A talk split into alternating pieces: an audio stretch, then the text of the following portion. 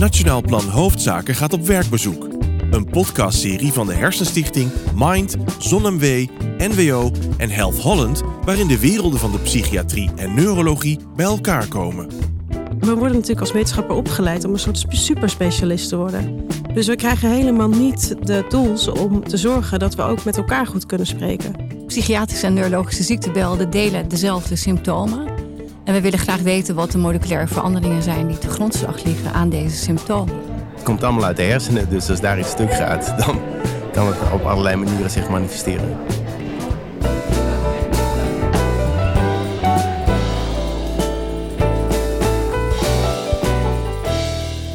We zijn vandaag in Amsterdam bij het Nederlands Herseninstituut. We hebben net afscheid genomen van onze minister van Langdurige Zorg, Connie Helder, die hier op werkbezoek is geweest. Nou, wat ontzettend mooi was, dat we zowel in de vriezenruimte zijn geweest, waar al het hersenweefsel uh, wordt bewaard. En ook geprepareerd uh, voor onderzoek. Dat is natuurlijk mooi om te zien. Ik heb ook onderzoekers zelf aan het werk gezien. Die echt op heel klein niveau van één hersencel bezig zijn om uit te vogelen hoe dat precies werkt.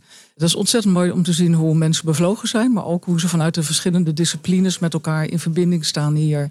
Om te zorgen dat we echt verder komen als het gaat om uh, het weten hoe onze hersenen functioneren onze minister Connie Helder. En in de colloquiumzaal van het Nederlands Herseninstituut in Amsterdam kijken wij terug op het werkbezoek dat we net achter ons hebben liggen. En geven we alle indrukken mee, zodat eh, iedereen weet wat er gebeurt in het kader van het Nationaal Plan Hoofdzaken. Onze gastheren zijn vandaag hier even aan tafel geschoven. Hartelijk welkom. Pieter Roelofsma, directeur Nederlands Herseninstituut, ambassadeur van ja. uh, Nationaal Plan Hoofdzaken. Henk Smit is hier aanwezig, voorzitter van de stuurgroep van het Nationaal Plan Hoofdzaken. En hartelijk welkom Monique van der Einde. Zij is ambassadeur van het Nationaal Plan Hoofdzaken, adviseur ook van Mind en de ervaringsdeskundige in deze podcast. Jij bent de ervaringsdeskundige. Welkom. We hebben net de minister op bezoek gehad. We hebben de minister gehoord. Wat is jouw reactie? Wat fijn dat zij, dat zij is gekomen, dat zij interesse heeft in Nationaal Plan Hoofdzaken. En mooi om sowieso hier al het gesprek te hebben gevoerd, maar ook inderdaad de diepte in te zijn gegaan met de rondleiding uh, op de hersenbank. Dus, uh... Ja, Pieter, als je haar hoort, heeft het een heel interessant werkbezoek gevonden. Ja, het was super leuk om haar hier op bezoek te hebben en ook de afvaardiging van hoofdzaken. Ik vond het heel inspirerend te zien hoe zij geïnteresseerd was in, in echt het handwerk wat wij hier doen op het instituut.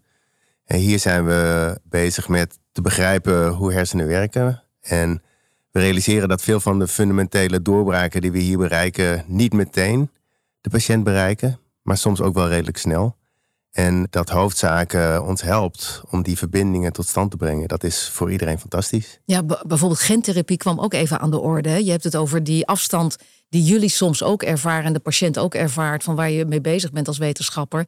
En wat er uiteindelijk dan bij die patiënt komt. Er zit een enorme weg enorm, uh, nou, voor sommigen kloof tussen. Ja, dat uh, klopt. Dat kwam hier ook even te sprake. Ja, dus stel je voor dat je vindt dat er bij mensen met een bepaalde hersenziekte een eiwit niet goed is. Dan gaat dat eigenlijk eerst extra onderzoek opleveren. Het gaat niet uh, dat je dan dat gelijk hebt opgelost. Dus dan moet je eerst gaan kijken, zijn er geneesmiddelen die daarop in kunnen grijpen? En dan voordat je laat zien dat het werkt en dat het veilig is. Dat kan echt heel veel jaar overheen gaan, maar we moeten het wel doen. Soms zijn er ook nieuwe inzichten die wat sneller naar de patiënt kunnen. Bijvoorbeeld een onverwachte nevenwerking van een geneesmiddel dat we al kennen. En ook waar we zelf ook aan werken is neurotechnologie. Dus dat is het aansluiten van elektronica op de hersenen. Dat je bijvoorbeeld ook ziet met mensen met ziekte van Parkinson die diepe hersenstimulatie krijgen. En daar zijn ook weer allerlei nieuwe toepassingen van. Soms kunnen die in één of twee jaar naar de patiënt. En soms kost het tien of twintig jaar.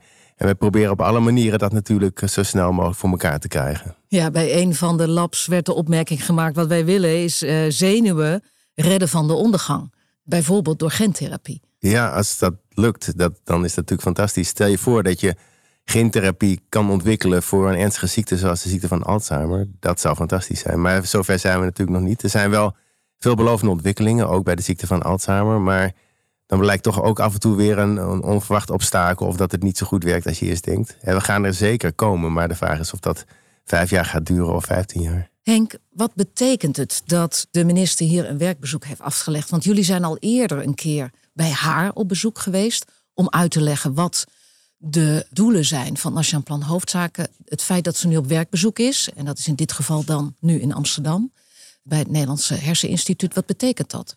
Door haar werkbezoeken uh, onderstreept ze het belang van het Nationaal Plan uh, Hoofdzaken. We hebben in het kennismakinggesprek destijds, niet eens zo lang geleden, toegelicht waar we voor staan. Dat omarmde ze.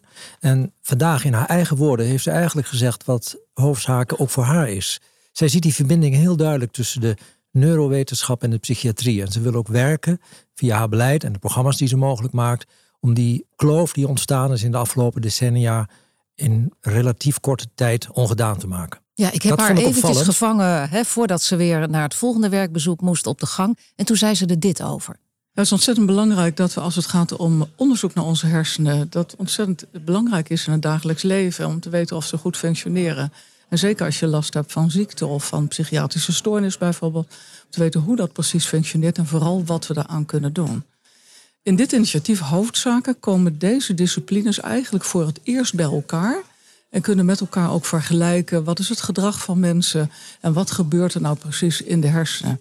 En ik denk dat dat een uniek moment in de tijd is waarin we ook mogelijkheden hebben, technische mogelijkheden om onderzoek te doen, ook binnen de hersenen, om dingen zichtbaar te maken.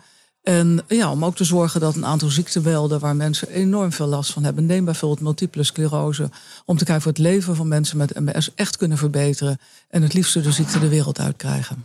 Nou, ik had het niet beter kunnen zeggen. Ik vond nog één uh, ding erg opvallend bij haar. Dat was dat ze benadrukt natuurlijk het belang van het Nationaal Plan Hoofdzaken voor de patiënt van nu.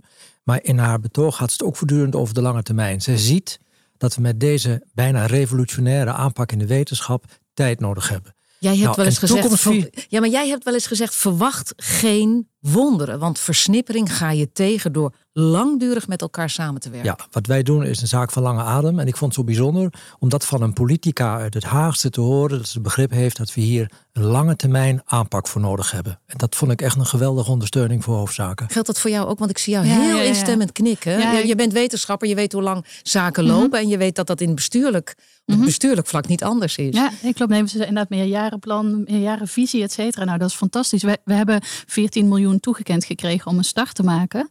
Maar om echt goed samen te kunnen werken en ook ontmoetingen te kunnen faciliteren, is tijd, geld, ruimte nodig. En nou ja, dat zij daarop hint, of dat ze dat zegt gewoon, dat is heel erg fijn. Pieter, tot slot, waarom is het misschien ook wel goed van haar dat ze dit instituut uitgezocht heeft als werkbezoek voor het Nationaal Plan Hoofdzaken? Is hier die tweespal die er gecreëerd is, decennia lang, tussen psychiatrie en neurowetenschappen, is die hier juist te slechte?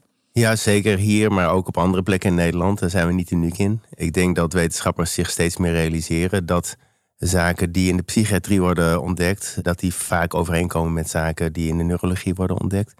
Hier kijken we naar hoe gezonde hersenen werken. En we zien ook bij ons onderzoek dat als daar iets ontspoort, dat dat alle richtingen op kan gaan. Dus dat kan leiden tot ja, psychiatrische problemen, illusies of waandenkbeelden.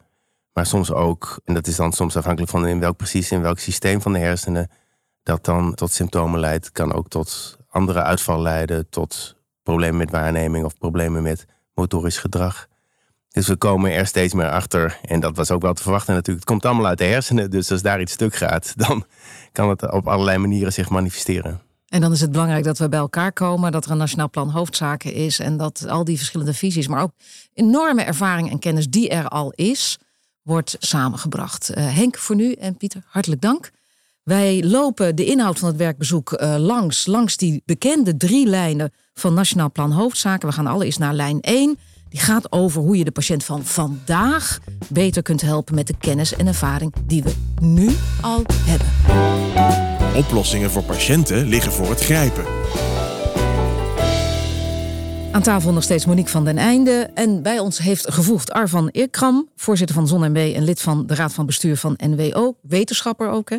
Paulien Goosens, revalidatiearts en lid van de Raad van Bestuur van Meren Medische Revalidatie. Hartelijk welkom, jullie twee. Monique, fijn dat je blijft zitten. Even naar jouw persoonlijke verhaal, Monique. Want jij hebt een postpartum psychose gehad. Klopt. Wat is jou het meest tegen of meegevallen in je behandeling en je terugkeer naar wat wij dan zeg maar het dagelijks of normale leven noemen? Ik denk qua behandeling is het voor mij, omdat ik in die psychotische toestand was, enigszins langs me heen gegaan. Omdat je, die tijdsbesef is heel anders. Maar ik denk dat voor mijn, met name mijn ouders en ook mijn man, het heel naar was natuurlijk om, om vrouw, kind, dochter zo te zien lijden. En het was ook met isolatie, fixatie, alles erop en eraan.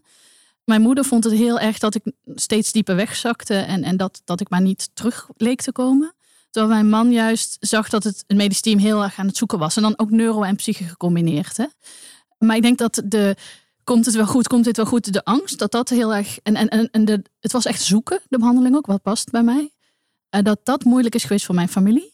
Voor mezelf is het, het tijdens de het is een, een, een andere wereld waar je een soort van, van klein kind weer wat je bent als je terugkomt. Maar daarin was het herontdekken van de wereld. En voor het eerste keer met de bus gaan. Eigenlijk gewoon helemaal het, eten weer proeven. Het naar buiten gaan uit, het, uit het psychiatrisch ziekenhuis. Tot weer aan het slag kunnen. En gewoon weer wel jouw, jouw, je, je, je passie kunnen leven dat was een hele onderneming en daarin angst en stigma. Maar dus het, het, oh wat vinden mensen wel niet van mij? Dat ik psychiatrisch patiënt ben. Maar dat kwam vanuit jezelf. Ja, dus dat is precies. Dus, dus wat, wat anderen zullen denken is voor mij het moeilijkste geweest. Voor mijn ouders denk ik de zoektocht. Dat, dus de, de lange duur van wanneer past er, is er iets waar zij beter van wordt. Nou, nou zoekt in lijn 1 het Nationaal Plan Hoofdzaken mhm. naar oplossingen die er al wel zijn. Naar mhm. kennis die er al wel is, maar niet mm wordt toegepast. Naar mhm. ervaringen waar men te weinig uit put. Wat is dan persoonlijk voor jou jouw boodschap aan Nationaal Plan Hoofdzaken? Dat je goed al het waardevolle wat er al is bij elkaar brengt en inzet en naar die persoon brengt. Oftewel, er zijn heel veel goede ondersteuningsmogelijkheden in het sociale domein, maar ook bijvoorbeeld de klas van de Hersenstichting, het teruggaan naar participatie. Dat soort zaken. Dus, dus naast de best passende interventie, ook het stukje eromheen om weer aan de slag te kunnen. Dat is iets wat ik hoop dat wij als hoofdzaken naar die, die persoon op het goede moment kunnen brengen. Want wat heeft de klas van de Hersenstichting? Dat is een bepaald project, ja, hè? Ja, dus eigenlijk mijn collega Irene, die hier vandaag zou zitten, zij is er helaas niet. Zij heeft eraan meegedaan. Het is eigenlijk een ondersteuningsproject voor participatie. Dus het terugkeren naar de maatschappij, naar daar waar jij floreert, naar aan het werk gaan. Irene heeft daaraan deelgenomen. Ik heb daar niet aan deelgenomen. Ik heb zelf mijn eigen weg moeten zoeken. Dat soort interventies, dus, ook, dus, dus niet alleen high-tech medisch, wat hartstikke belangrijk is, maar ook alle andere ondersteuningsopties eromheen als we dat nou bij die persoon kunnen brengen wanneer die persoon dat nodig heeft, met alle expertise die we hier hebben, dan ben ik heel tevreden. Dat zijn die verschillende ja, gebieden. Precies. En dat is dan een quick win in zekere zin. Want er, is al heel veel moois. Maar we weten het niet alleen, niet allemaal van elkaar. Ja, de minister met, eh, met wie jij in gesprek bent mhm. gegaan, die haalde bijvoorbeeld ook positieve gezondheid erbij. Vind je dat terecht? Ja, ja, het is bekend. Ook vanuit, waarom? Omdat het meer vanuit de mens, de beleving van de persoon zelf en de verschillende levensdomeinen en ook dus het, het existentiële erbij haalt. Wat vind jij belangrijk? Waar, wil jij floreren? Wil jij weer aan het werk? Of wil jij iets anders doen? Wat is voor jou belangrijk in jouw leven? En hoe kan dan alle ondersteuning, medisch en ook op een andere manier, daaraan bijdragen dat jij weer floreert in feite? Dat is positieve gezondheid en dat hang, hang ik en dat hangt mijn organisatie ook heel erg. Ja, Paulien, jij zat ook bij dat gesprek met die minister. En je hebt echt volgens mij echt met volle hart gepleit voor een bepaalde taal, ICF. Taal, waar staat dat voor? Het staat voor uh, International Classification of Functioning and Disease. En dat is door de World Health Organization in 2002 uh, eh, gemunt.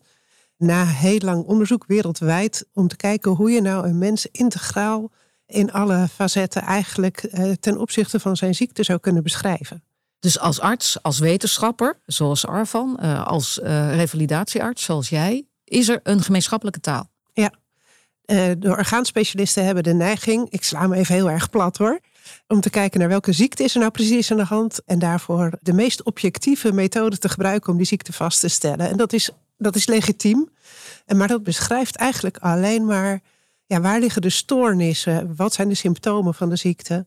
Terwijl wat dat voor invloed heeft op uiteindelijk participatie en de mens, dat is waar het om gaat eigenlijk in de zorg. En het ICF geeft een hele mooie taal om rekening te houden met de activiteiten en de participatie die mensen wel of niet kunnen en willen doen. Maar ook met wat voor mens heb je nou voor je en in welke omgeving functioneert deze mens. En door al die aspecten te betrekken bij uh, je overwegingen, maak je de zorg menselijker en beter. Het is wel bijzonder, want dat is er. Maar het wordt nog wij. Het is 2002 dat de WHO dat heeft uh, geïntroduceerd. Maar het wordt te weinig gebruikt. Het wordt te weinig gebruikt. Het wordt sterker nog door sommige orgaanspecialisten waar ik mee samengewerkt heb gezien als... oh, daar heb je dat vage geneuzel van de revalidatiearts weer. Terwijl als je dan uh, met hen samen spreker doet, bijvoorbeeld met een orthopeet of met een neuroloog, of nou, maakt eigenlijk niet uit wat, dan uh, zien ze toch de meerwaarde wel van, oh, verrek, dus met deze stoornissen betekent voor de ene patiënt iets heel anders dan voor de andere patiënt. En je kan veel beter samen beslissen als je al die aspecten ook bespreekbaar maakt.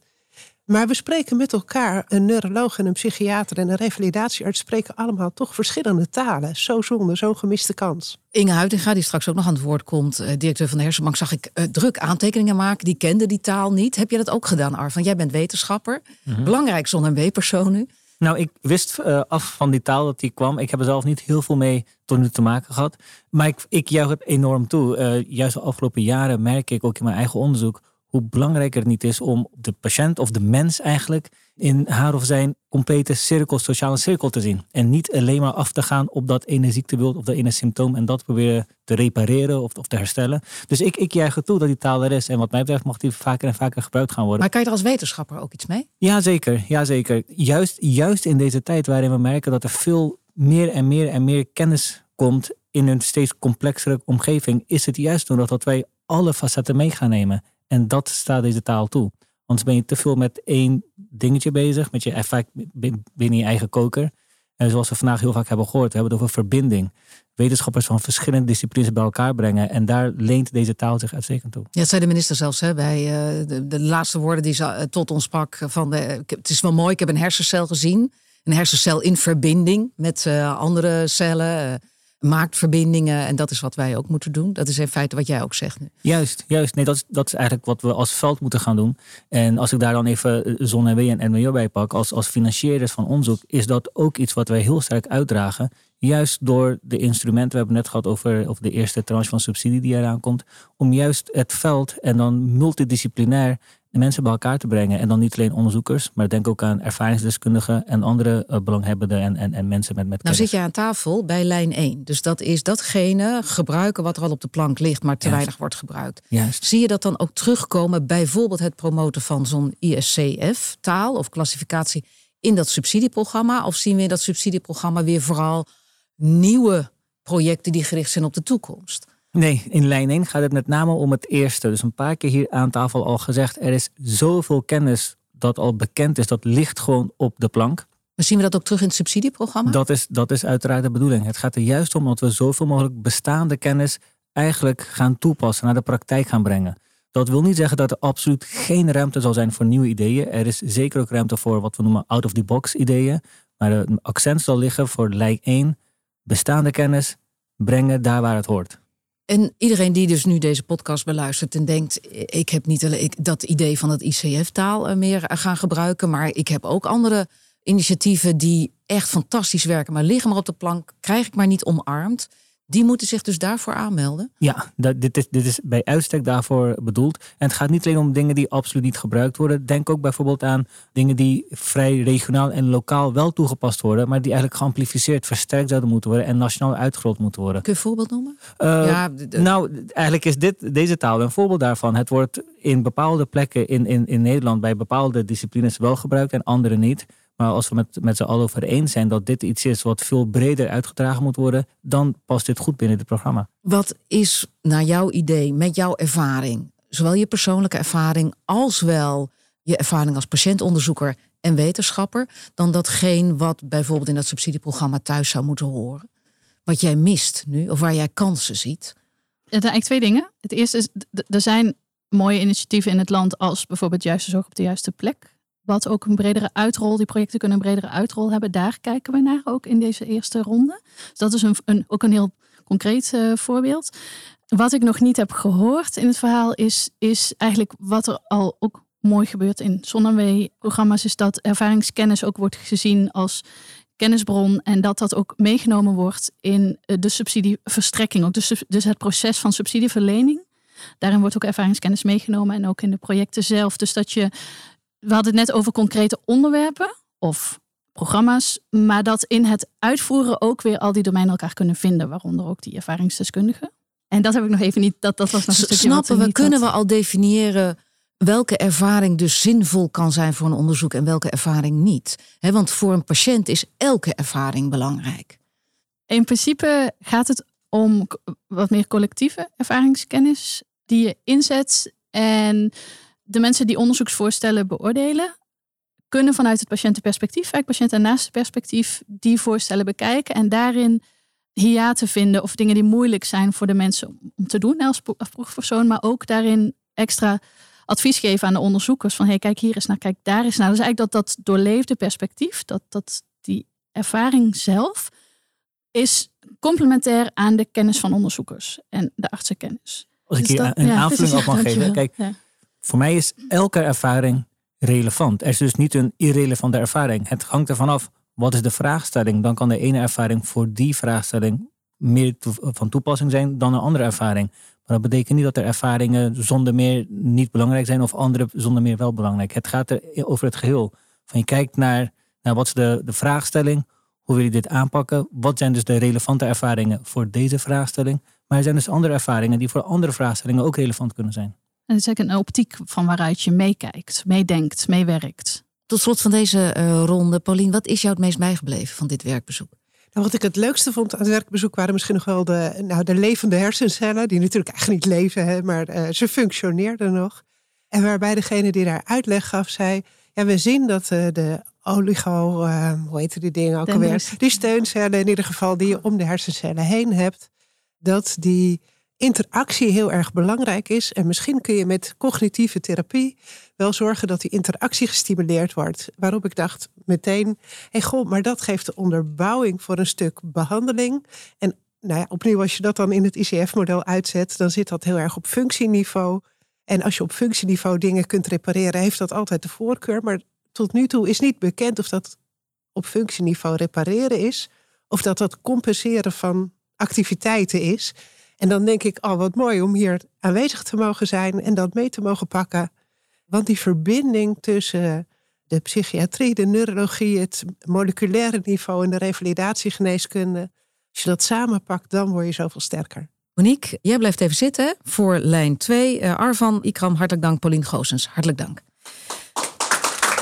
We gaan naar uh, lijn 2. Dat gaat over het combineren van kennis over de verschillende aandoeningen op het gebied van psychische en neurologische ziekten. Op zoek naar aandoening overstijgende overeenkomsten. Monique uh, zit hier nog steeds. Monique van den Einde, adviseur Mind, ambassadeur Nationaal uh, Plan Hoofdzaken, ervaringsdeskundige. Hartelijk welkom uh, Linda Douw, neurowetenschapper aan het Amsterdam UMC. En hartelijk welkom Jeannette Bruil, hoofd Nationale Wetenschapsagenda, dus werkzaam voor NWO. Allereerst even, gewoon even je indruk. Jeannette, heb jij iets gehoord tijdens dit werkbezoek waarbij je dacht, hier kan ik mee verder?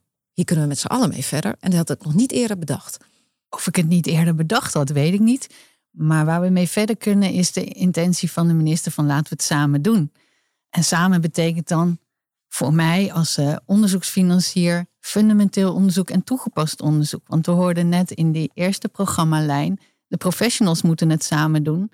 Maar als de onderzoekers dat dan niet doen, dan sluit de kennis die ontwikkeld wordt niet op de praktijk aan. Dus in de Nationale Wetenschapsagenda financieren we onderzoek waarin we het samen moeten doen, fundamenteel en toegepast onderzoek, maar ook allerlei disciplines en ervaringsdeskundigen. Wat kunnen we leren als Nationaal Plan Hoofdzaken van initiatieven die er op andere vlakken zijn? Wat ik zie, en dat sluit ook een beetje aan wat Linda misschien straks ook wel gaat zeggen, maar wat ik haar vandaag ook hoorde zeggen. Je moet onderzoekers dan ook wel de gelegenheid geven en de tijd geven en dus ook budget om elkaars taal te leren spreken, om de taal met de praktijk dezelfde te laten zijn. En ik denk dat je dat in alle onderzoeksprojecten in de NWA ziet, dat je tijd nodig hebt om elkaars taal te leren spreken en elkaar te begrijpen. Hoeveel is tijd? Dat is in dit geval best wel veel tijd. Is dat jaren? Is dat decennia? Wat? Nou, ik denk vanaf het begin van het schrijven van het voorstel dat je daar altijd voor moet inruimen. En dat als je het onderzoek doet, er iemand moet zijn die die bijeenkomsten plant, en dat de mensen die op die bijeenkomsten moeten komen ook tijd hebben om dat te doen. Dat wat vond je dat? Wat, de minister heeft een aantal zaken gezegd over samenwerking. He, kent natuurlijk vanuit ook haar eigen achtergrond samenwerkingsverbanden, kennis en ervaring opgedaan. Zowel care, cure, werkveld als bestuur. Wat is hetgeen wat jou daarvan is bijgebleven, waar we wat aan hebben? Wat ik wel mooi vond was ook, je gaf net zelf ook aan bestuurders kijken vaak wat dichterbij. En de minister had ook heel duidelijk oog voor kennis die we voor langere termijn moeten gaan ontwikkelen. Want sommige kennis is er gewoon nog niet en dat duurt even voordat je dat hebt.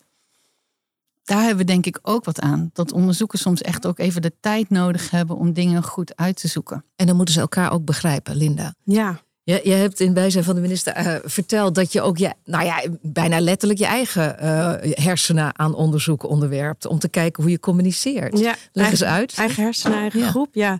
Eh, ik ben onderdeel van een heel interdisciplinair team. Dus we hebben echt mensen met heel verschillende achtergronden. Van dokters tot psychologen tot wiskundigen. En wat we hebben gedaan is twee jaar lang onze eigen meetings opnemen en uitwerken. En kijken hoe we communiceren met elkaar. Want het doel is natuurlijk om precies dat wat steeds eh, gezegd wordt, die verbinding te leggen. Dus als een wiskundige denkt, ik heb een theorie die ik hierop kan toepassen in die hersenen. Dat de psycholoog daar maar verder kan of de beeldvormer.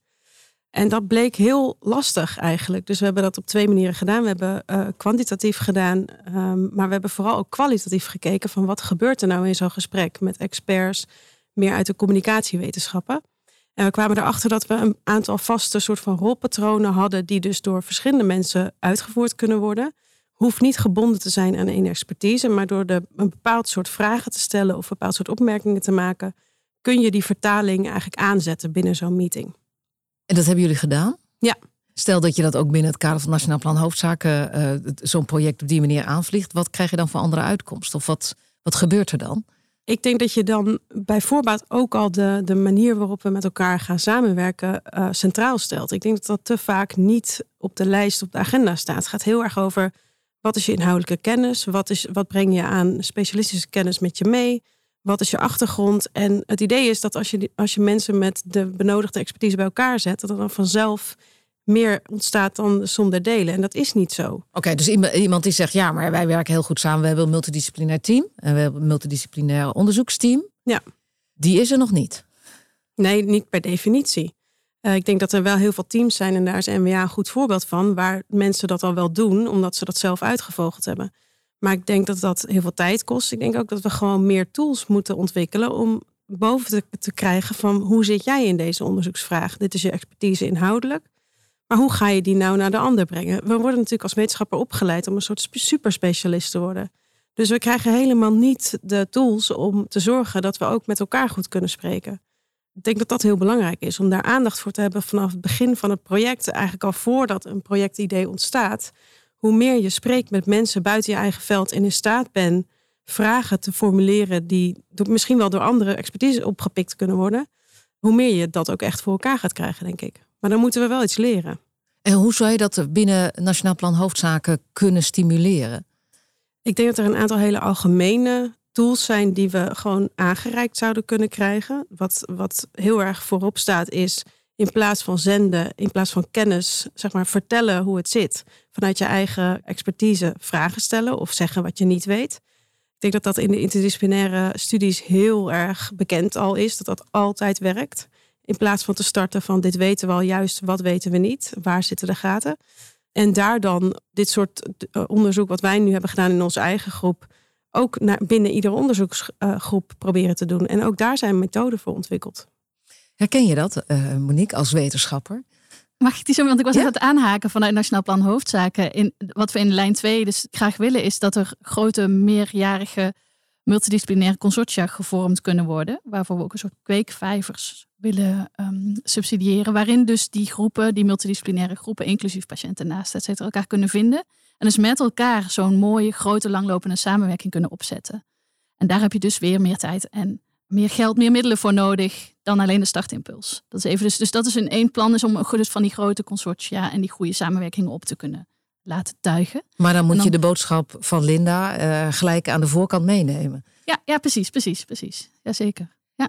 En als wetenschap, wat was jouw vraag? Ja, ik was benieuwd. Jij zit er als wetenschapper, Mhm. je zit er als eh, ervaringsdeskundige, je zit er als patiëntenonderzoeker. Dit is onderzocht. Dus we, we weten dat we op een bepaalde manier die communicatie ook eh, moeten trainen, maar ook moeten aanvliegen. Ja. Maar het is in de praktijk zo verdomde moeilijk, toch? Ja, als we elkaar een beetje kunnen helpen en mogen helpen ook, dan is het wel te doen, denk ik. Dus in, in mijn geval ken ik het jargon, inderdaad het wetenschappelijke jargon, en weet ik wat een oligodendrocyte is.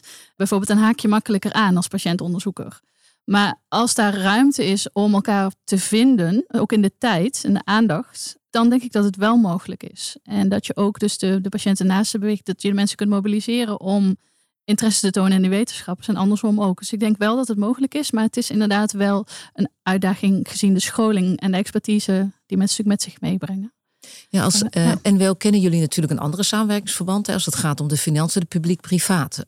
Ik meen dat die ook nog heel even werd genoemd door uh, de minister. Daar zie je ook natuurlijk twee werelden bij elkaar komen. Ja. En die spreken vaak ook een andere taal. Ja, dus het is niet alleen de disciplines die met elkaar moeten samenwerken, maar ook de praktijkorganisaties. En die kunnen privaat zijn. Nou, daar zitten ook weer andere belangen, andere kennis, tools en ook publiek. En wat moet er zeg maar goed geregeld worden op dat gebied om, om die grote consortia, om die samenwerkingsverbanden, zowel financieel dus als inhoudelijk, maar financieel in jouw geval, goed te laten verlopen, zodat men elkaars taal spreekt, zodat men weet waar men uiteindelijk in investeert? Ik denk dat het startpunt echt samen moet zijn. Je moet met elkaar beginnen en niet al een plan hebben als onderzoeker bijvoorbeeld. En dan denken, daar is vast wel een bedrijf of een patiënt in geïnteresseerd. Doe het samen.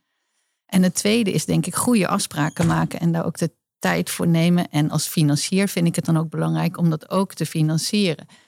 Maar een goede samenwerkingsovereenkomst is natuurlijk super belangrijk om met elkaar goed af te spreken wie doet wat.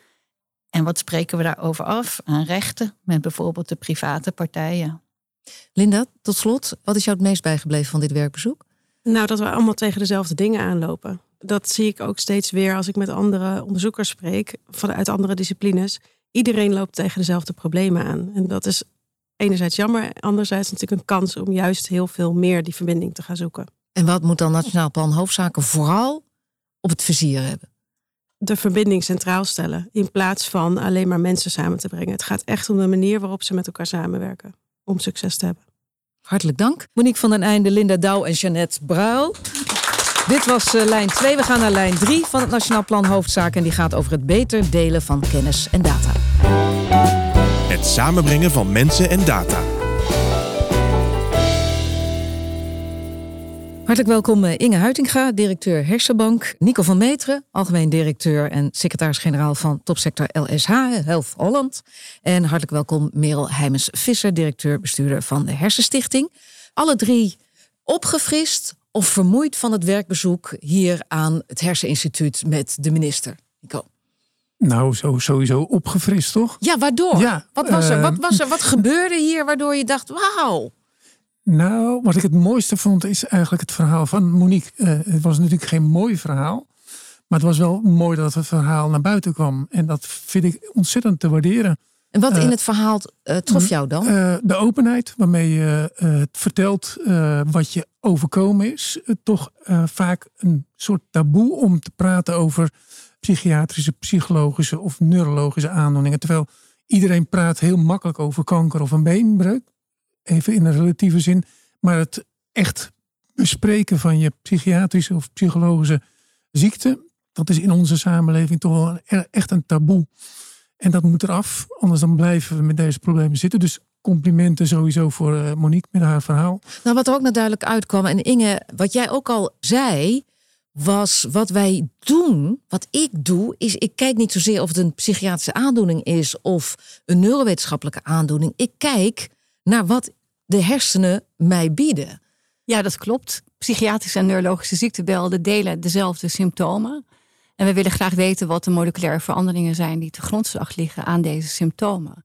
Dus we willen geen diagnoses met elkaar vergelijken, maar we willen kijken dus wat, wat er verandert in het brein wanneer er een psychose is bijvoorbeeld. Nou is het wel zo, ik heb allerlei aantekeningen zitten maken over wat er allemaal gezegd werd vandaag. Heel erg interessant, maar dat iemand ook zei, ja, psychiatrische ziektes zijn juist heel lastig te plaatsen in het brein. Ja, dat klopt. Bij neurologische ziektebeelden. Ik denk dat daar ook die scheiding doorgekomen is. Uh, het begin van 1900, uh, eh, om precies te zijn. Dat bij neurologische ziektebeelden zie je de veranderingen onder de microscoop in de hersenen. Maar bij psychiatrische ziektebeelden zie je dat dus niet, helaas. En dat was uh, het, psychiater Kreplin, begin 1900, die met Alois Alzheimer naar de veranderingen in de hersenen bij een, een patiënt met schizofrenie ging kijken. En Alois Alzheimer stelde vast als neuropatholoog, ja, maar hier verandert helemaal niets. En ik ben bang dat daar, een, dat is het moment geweest dat er een groot misverstand ontstond. Namelijk dat er niets verandert bij psychiatrische symptomen. Het is echt eigenlijk een dramatisch uh, misverstand. Men zegt nu wel, het zit tussen de oren. En ik zou zeggen, ja inderdaad, er zit het de hersenen ook. Maar men bedoelt er eigenlijk mee te zeggen, er gebeurt niks in de hersenen. Ja, waar het dan vandaan komt, weet ik ook niet. Want tenslotte zijn wij ons brein. Maar je ziet het niet. Maar we hebben nu technieken die zijn zo gevoelig. En jullie hebben Ehm, inmiddels ook genoeg weefsel, begreep ik. Er was eerst een tekort, maar weefsel Ja. van mensen die een psychiatrische ziekte hebben gehad. Ja, omdat men toch al niet zo druk bezig was met de moleculaire verandering bij psychiatrische ziektebeelden, was er weinig weefsel. Maar het is er nu wel. We hebben het, we hebben de kans, we kunnen gaan kijken. Wat verandert er eh, op cel- en molecuulniveau bij depressie, bij psychose, bij obsessief gedrag, bij angst? Al die, die verschijnselen, daar kunnen we gaan kijken wat er verandert. Het wordt de hoogste tijd dat we doen. Maar de technieken zijn er klaar voor. Terwijl Connie Helder naast jou zat, heb jij een enorm pleidooi gehouden voor het ondersteunen, ook financieel natuurlijk, het ondersteunen van een atlas. eh, gebaseerd op, op wat jij net vertelt. Dus ja, dat dat, je- hersenweefsel hebben we. Dat wordt niet zo vaak uitgenomen naar de overlijden, maar we hebben het bij de hersenbank. De technieken zijn er. Dat zijn omics-technieken. Je kunt kijken, dat heet dan genome-wide. Je kunt kijken wat er precies verandert eh, op eiwitniveau, op vetniveau, op genniveau. Maar die technieken zijn gevoelig en die zijn inderdaad duur. Dus je moet daar dat, dat, maar we kunnen dat allemaal uitvoeren. En dan relateren we die veranderingen dan aan de symptomen. En dan maak je een toolkit dat je weet welke moleculen veranderen. En dan kun je dus dan biomarkers uit afleiden en toepassen in de kliniek om een diagnose snel te Ja, wat het stellen. grote voordeel van biomarkers is, is dat, dat je van tevoren dan kunt kijken of iemand wel of niet gevoelig is voor een behandeling. En wat, wat hij heeft. Nou, eerst eens kijken wat hij heeft. Want die diagnose, dat is moeilijk te stellen. Vaak is, is, duurt het lang en is het minder accuraat. Vaak blijken ook na overlijden de diagnose niet accuraat. Maar ja, biomarkers is relevant, hè, maar niet het enige. Uiteindelijk gaat het erom, hoe functioneren mensen? Worden ze belemmerd in hun functioneren? En wat doe je daaraan? En wat doe je daar als samenleving aan? En welke interventies zet je in? En die in lijn 1 bestaande werkzame interventies willen we opschalen. In die lijn 2 willen we ook grote consortia bouwen om ook weer nieuwe interventies, nieuwe behandelmethodes eh, te creëren in Nederland. En in lijn 3, waar we hier voor bij elkaar zitten, gaat het echt over welke data moeten we dan met elkaar delen, welke kennisinfrastructuur is belangrijk. En er is er een harde data- en kennisinfrastructuur en wat mij betreft ook een zachte. En die zachte gaat over samenwerken en die harde gaat over hersenbank, maar ook andere soort infrastructuur. En die infrastructuur die hier net beschreven is, dat, dat is een verzameling van data die uiteindelijk teruggaan naar het molecuul. Die op moleculair. Ja, Nico? Nou, Ja. het is eigenlijk het, het, de, het narratief, het verhaal van de mens wordt verbonden met zo'n atlas op cellulair of subcellulair niveau.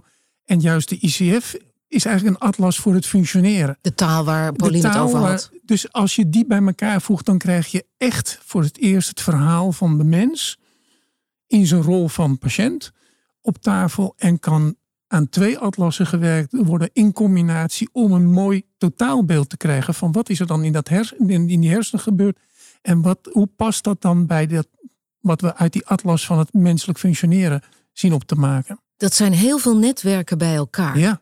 En, netwerk en er op- zit er nog eentje onder. Daaronder moet hij die data met elkaar gaan stromen. Dat is nou precies iets wat we in een groeifondsaanvraag succesvol voor elkaar hebben gekregen. Health RI, hè, de nationale nutsvoorziening gezondheidsdata. Waarbij al die atlaspuntjes van het brein en de atlaspuntjes van het functioneren van een mens en het verhaal van die mens bij elkaar gebracht kunnen worden. En de data met elkaar kunnen worden gecombineerd. Ja, iemand heeft mij het wel eens uitgelegd dat dat soort treintjes zijn met wagonnetjes waar iedereen zijn kennis eh, in stopt. De personal en, en, health train, Inge, geweldig. Ja, ja en daar moet je. Maar ik dacht wel om die trein te laten lopen, hè, moet, moet je dus elkaar zien te vinden en, en elkaar ook begrijpen wat de ander nodig heeft en wat jij nodig hebt, waar we het eigenlijk in deze podcast veel over hebben. Wat vind jij daarin dan belangrijk? Want ik zei niet voor niks zo net, wow, het zijn wel heel veel netwerken bij elkaar. Waar moet, vind jij Nationaal Plan Hoofdzaken zich op concentreren? Voordat je weet ben je bezig met de verbinding van alle netwerken Mhm. aan elkaar. En dat, dat, is, dat is een ontzettend grote opgave. Is het ook, is het ook. En, en eh, ik ben zeer voorstander, wat zo net ook al werd gevraagd, hè, om ruimte te hebben voor de wetenschap. Maar de ruimte die de wetenschap neemt, moet ook worden terugbetaald in leveren. Hè, om met bondscoach Van Gaal te spreken. Je moet leveren. En dat moet op tempo. Dat hebben ze niet zo goed gedaan Eh, trouwens. Maar Nee, nee, nee maar, wij- maar de wetenschappers gaan zeker leveren. Alleen die tijd moet gecomprimeerd worden. We kunnen niet meer zo lang wachten. En vandaar dus dat ik het heel erg belangrijk vind dat het werd net genoemd out of the box. Ik denk dat het plan hoofdzaken er vooral in moet voorzien dat wetenschappers zich ook echt in de context van mensen waar ze hun probleem zich voordoen, echt gaan kijken hoe de interactie is tussen de omgeving, de dynamiek in de omgeving, want dus mensen bivakeren niet in één omgeving, maar de dynamiek van die omgeving en hoe relateert die dynamiek van de omgeving met het verhaal van die persoon en de personen om hem heen en vooral ook met die twee atlassen. Als we dat gaan doen, dus niet meer out of the box, heel makkelijk omkeren in de box. kan dat, Inge? Je bent natuurlijk hier eh, bij de Hersenbank intensief bezig. Je bent al jaren, je bent nu bezig met die atlas. Waar iedereen dan uiteindelijk ook gebruik van kan maken? Hoe- Eh, hoe ja, dat is wel de bedoeling. Ja. Nou, eerst natuurlijk de wetenschappers die naar kijken, die hersenfunctie en hersenziekte onderzoeken, die kunnen kijken wat de onderliggende moleculaire veranderingen zijn. Dus dan kunnen ze die systemen gaan onderzoeken. Anderzijds eh, zullen daar eh, ook mensen proberen om daar dus die biomarkers uit te extraheren om diagnose in de kliniek mogelijk te maken. Maar het is natuurlijk wel zo, en het werd eerder ook al genoemd, dat wetenschappers natuurlijk heel gefocust bezig zijn in hun eigen vakgebied. En ik ken dus zo'n taal CSF. Dat, eh, ik, denk dit is niet CSF. wat is het? ICF. ICF, ja. CSF Vergeet je nooit meer die taal. Precies, zo gedeformeerd ben je. Je hebt natuurlijk je eigen brein. Dat, het illustreert heel goed wat ik probeer te zeggen. We zitten dus allemaal in ons eigen eilandje bij een Ivoren toren met de. Ik denk dat wetenschappers ook wel echt zo'n zo'n one-track mind hebben van, oh, ik wil die atlas maken. Je vergeet gewoon dat die atlas die komt van de patiënt uit de hersenen van een hersendonor en die gaat naar de patiënt om de kwaliteit van het leven te verbeteren. Die gaat naar een neuroloog en de psychiater om sneller de patiënt te begeleiden en de diagnose te geven. De hoofdzaken die, die helpt daarbij dan wel om, om de zaak te verbinden en open te staan voor die andere vakgebieden. Hoe, Merel? Oeh, ja, dat is altijd een, een belangrijke vraag. Ik weet niet of jullie Elvis-fan zijn of eh, Junkie XL. A little less conversation, a little more action. Er moet ook actie in de taxi. Hè? We moeten ook wat doen met elkaar. Want Eh, jullie zijn bezig met een programma, dat noemen jullie Brains. En daar zijn heel veel partijen bij betrokken. Ja, wij zijn bezig met het programma Brains. Dat is van de hersengerelateerde gezondheidsfondsen. Alzheimer Nederland, MS Research, Epilepsie, Hersenstichting.